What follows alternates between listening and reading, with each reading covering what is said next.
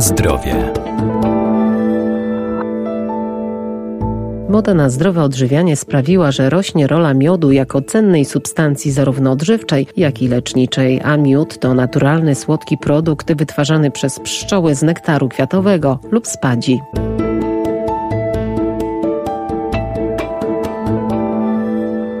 Prozdrowotne właściwości miodu znane są od wieków. Wzmacnia serce, ożywia mózg, koi nerwy czy też goi rany. Zawiera duże ilości niezbędnych dla człowieka mikroelementów. To skoncentrowany roztwór cukrów prostych, które stanowią surowiec energetyczny dla naszego organizmu. Większość miodów przede wszystkim wspiera odporność, naturalną odporność organizmów. Dr Aneta Strachecka, Uniwersytet Przyrodniczy w Lublinie. Przede wszystkim wzmacnia siły witalne organizmu, ponieważ składa się z związków prostych, glukozy i fruktozy, więc bardzo szybko organizm je przyswaja i zapewnia to mm, przede wszystkim mózgowi dostarczenie energii, ale również nie tylko, bo miód również zawiera sole mineralne, zawiera witaminy, więc przy spadku odporności w okresie zimowli jak najbardziej jest takim związkiem pożądanym, bym powiedziała. Głównie substancje antybiotyczne i to najważniejsza grupa związków. Są tam sole mineralne, witaminy, wodorotlenek tlenu, lizozymy, no cała gama różnego rodzaju enzymów,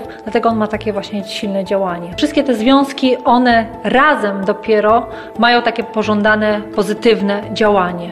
Każda z nich oddzielnie, owszem, na jedno działa, na drugie nie działa, ale dopiero razem tworzą tą właśnie substancję.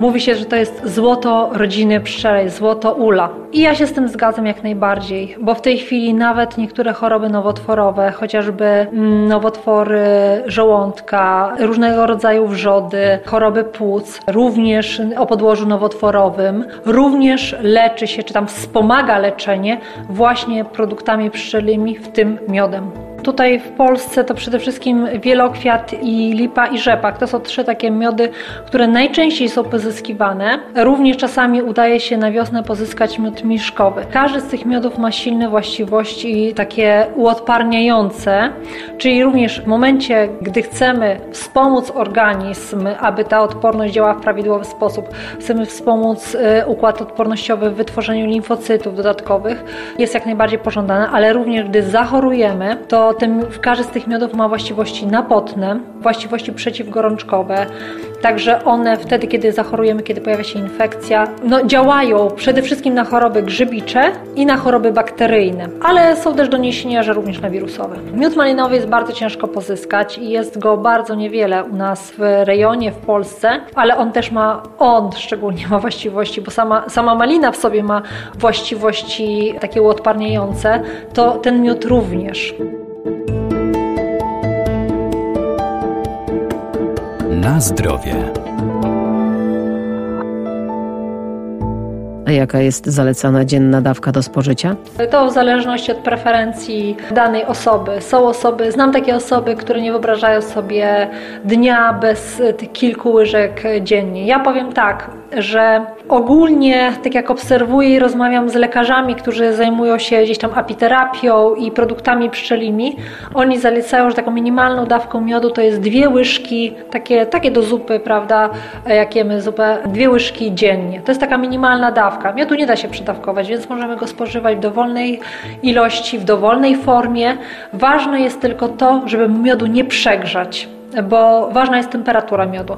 To niektórzy konsumenci mówią, że no, miód skrystalizował, to pewnie tam cukier był dodany. To jest nieprawda, bo y, rzeczywiście, jeżeli jest y, cukier w miodzie, to to znaczy, że my widzimy kryształki tego cukru. I oczywiście zdarza się, że skrystalizował, ale cukier bardzo często się po prostu rozpuszcza i tworzy taką warstwę na powierzchni tego miodu, taką warstwę płynną. Prawdziwy miód w zasadzie po odebraniu miesiąc, dwa Zależy się jeszcze w jakich warunkach jest przetrzymywany i gdzie on zaczyna krystalizować. I nie bójmy się miodu skrystalizowanego. Jeżeli ktoś już naprawdę nie lubi skrystalizowanego miodu i chciałby miód płynny, to pamiętajmy, nie wkładajmy go do gorącej wody, bo miód y, powyżej temperatury 40 stopni traci swoje walory i właściwości te prozdrowotne.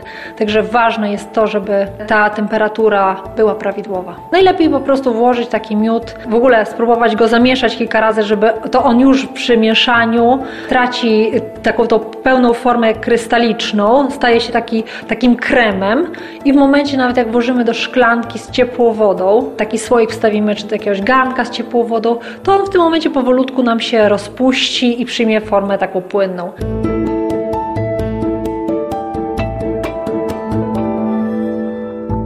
Warto więc do codziennej diety włączyć właśnie miód, a zwłaszcza korzystne jest zastąpienie cukru miodem, co pozytywnie wpłynie na pracę wątroby.